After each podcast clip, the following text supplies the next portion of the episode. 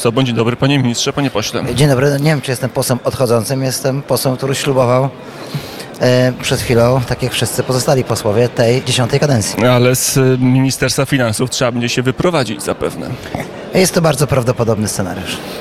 Y, Widzieliśmy przed sekundą nawet, prawie nam się udało zrobić na antenie net pojedynek Andrzej Domański y, z Platformy Obywatelskiej, kandydat do, na pana funkcję do Ministerstwa Finansów.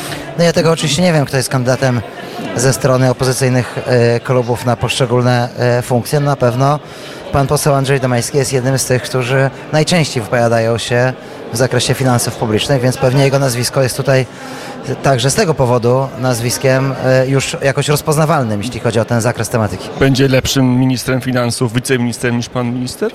Ale to nie mi oceniać. E, Po pierwsze, najpierw musi zostać, a po drugie, z całą pewnością to e, nie jest ani moja rola oceniać Andrzeja Domańskiego, ani odwrotnie. O, myślę, że na To pewno... robią Polacy, to robią Polacy i Polacy będą mogli porównać te rządy, które za nami, rządy Prawa i Sprawiedliwości i ocenić e, to, e, jak tą władzę sprawować będzie, gdyby udało się stworzyć taką koalicję, e, koalicja, ta szeroka koalicja od lewicy po koalicję obywatelską. Mm, Szymon Hołownia nie miał tych problemów, ocenił bardzo krytycznie prowadzenie Sejmu przez ostatnie 8 lat. Mówił o otwarciu Sejmu na dziennikarzy, na Polaków, na, na posłów, na dialog. Jak pan przyjmuje to wystąpienie nowego marszałka Sejmu? No to jest zawsze tak, że nowy marszałek Sejmu mm, ma ze strony y, Izby y, taki okres y, miesiąca miodowego. Będziemy weryfikować to, jak to w praktyce będzie wyglądało. Dzisiaj widziałem, przynajmniej miałem takie wrażenie, że największe oczy na, y, w trakcie tego wystąpienia robił pan y, przewodniczący Tusk, więc zobaczymy.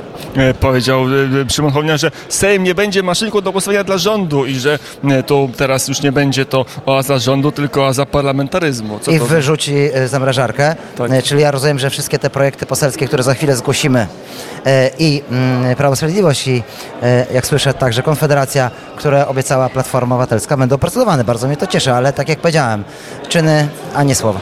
Za czym jakie będą te czyny faktycznie, e, bo praktyka rządzenia bywa trudna. Panie ministrze, Konfederacja zagłosowała w całości za wyborem Szymona Hołownia. Ani się nie wstrzymała, ani nie poparła po nim ma- marszałek Witek, ani nie wyjęła kart, włączyła się w budowę e, koalicji rządzącej. Dlaczego? O co E, chodzi? Jak To pan- oczywiście jest pytanie do Konfederacji, a nie do mnie. No nie, no ale pan To- to obserwuje, no, e, liczyliście na jakąś współpracę z Konfederacją, no. Ważne zastrzeżenie. E, Natomiast e, no, Konfederacja ma swoją taktykę, jak sądzę, e, tego w jaki sposób w tym Sejmie, w tych pierwszych e, posiedzeniach się zachowywać e, i zobaczymy, czy wyjdzie na tym jak Zabłocki na mydle, czy coś ugra. Zobaczymy. Grzegorz Braun, no, nie, nie, nie, mogło, nie mogło być, nie mogło być posiedzenia Sejmu bez wystąpienia Grzegorza Brauna. Grzegorz Braun powiedział, że e, tkwicie w błędzie, że chcecie cały czas Elżbietę Witek i potem zagłosował za, za, za Szymonem Hołownią. Prawica się podzieliła, to jest tak, że ta prawica bardziej radykalna, Konfederacja już jest Nie no, w tamtym... myśmy, myśmy nigdy nie byli razem, to po pierwsze. E, Po drugie, e, e, w szczególności mm, sposób podejścia do parlamentaryzmu ze strony Grzegorza Brauna no, sprawia, że do kategorii osób wykluczonych z mm, zdolności państwowych, jak mówi sam Grzegorz Braun, pewnie zaliczyłby e, każdego z naszego klubu parlamentarnego, więc to jest taka trochę dyskusja jednak, panie redaktorze, o niczym. No, Grzegorz Braun nie jest e, mm, probierzem zdolności do współpracy z Konfederacją. E, To prawda, chociaż wystąpił e, wicemarszałkowie Sejmu, to przed, pań, przed, przed, przed państwem, przed posłami jeszcze wybór. Uda się przeprowadzić Elżbietę Witek do, do prezydium Sejmu? Bardzo na to liczę, bo już tak już zupełnie e, poważnie mówiąc, nawet jeśli mm, przyjmiemy, że wszystkie te e, dzisiejsze e, deklaracje, zaloty, taktyki i tak dalej mają czemuś służyć, no to już niezależnie od ich efektu, e, to e, największy klub parlamentarny no jest naprawdę elementarnym minimum poszanowania zasad e, demokracji, że zwycięski klub parlamentarny ma swoje miejsce w prezydium Sejmu. Byłoby to czymś zupełnie niesłychanym, gdyby tak się nie stało. W umowie koalicyjnej Platforma chce mieć dwóch wicemarszałków, wy będziecie mieli być może jednego. O co chodzi? Dlaczego Tusk chce mieć tak dużą przewagę w prezydium Sejmu?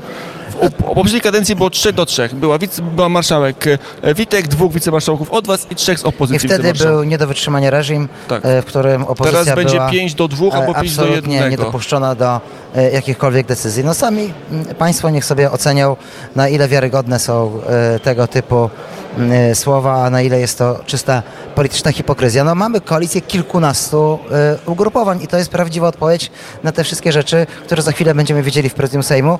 E, Jeszcze mm, za jakiś czas zapewne, bo najprawdopodobniej tak się stanie, będziemy widzieli w rozdaniu rządowym. No wszystkich trzeba jakoś zaspokoić, wszystkich trzeba, mm, wszystkich trzeba e, mm, włączyć e, w e, te e, rozwiązania, czy parlamentarne, czy e, gabinetowe, no po to, aby ten rząd miał po prostu większość, więc e, no tak to, e, tak to będzie w praktyce wyglądało, że słowa będą pe- pełne mm, e, zachęt do współpracy. Zresztą pan Szymon Hołownia zabawnie powiedział, że na 4 lata Polacy zdecydowali, zabawne to było w tym sensie, że sam, jak rozumiem, jest umówiony na 2 lata, e, więc e, to, to wszystko mm, no, będzie jeszcze miało różne zwroty personalne zapewne, mm, ale no mówię, głównym spoiwem e, e, tego mm, porozumienia tych ugrupowań, które dzisiaj wybrałem marszałka, jest odsunięcie nas dzisiaj od e, władzy, największego e, klubu.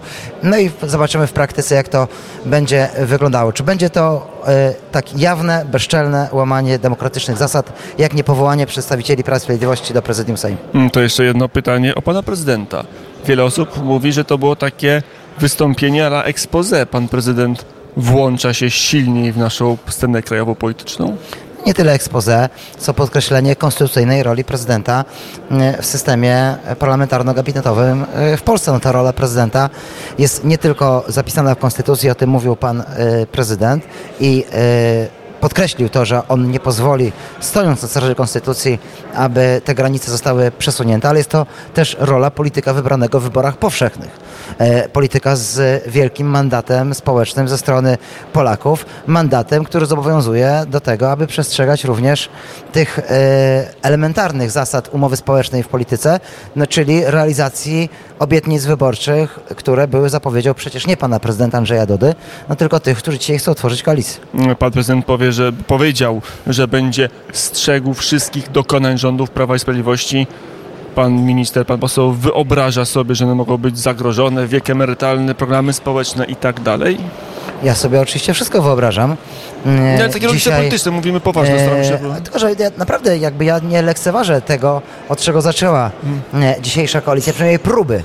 E, No bo to jednak trochę dzisiaj zostało wygaszone, e, ale była taka próba kłamstwa założycielskiego, takiego e, kłamstwa, które ma polegać na tym, że jest tak straszna sytuacja finansowa Polski, że no w sumie sami Państwo rozumiecie, odpowiedzialnością jest nierealizowanie własnych obietnic e, wyborczych, to z całą pewnością e, się e, dzisiaj tym, którzy planowali coś takiego zrobić, nie uda i będziemy e, tymi, którzy będą przed tego typu łatwym sposobem wyłgania się od realizacji zobowiązań e, przestrzegali.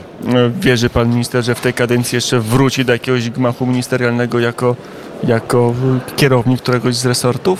Ja niczego e, w polityce mm, i w życiu publicznym szerzej rozumianym e, nie wykluczam.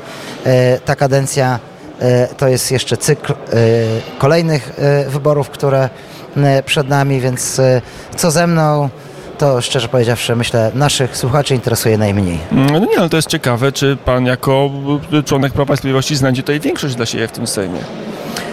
No, wcześniej czy później Na większość Prawo liczy Sprawiedliwość- premier Morawiecki, to Wcześniej teraz czy od razu. później Prawo i Sprawiedliwość taką e, większość e, znajdzie, jestem o tym całkowicie przekonany.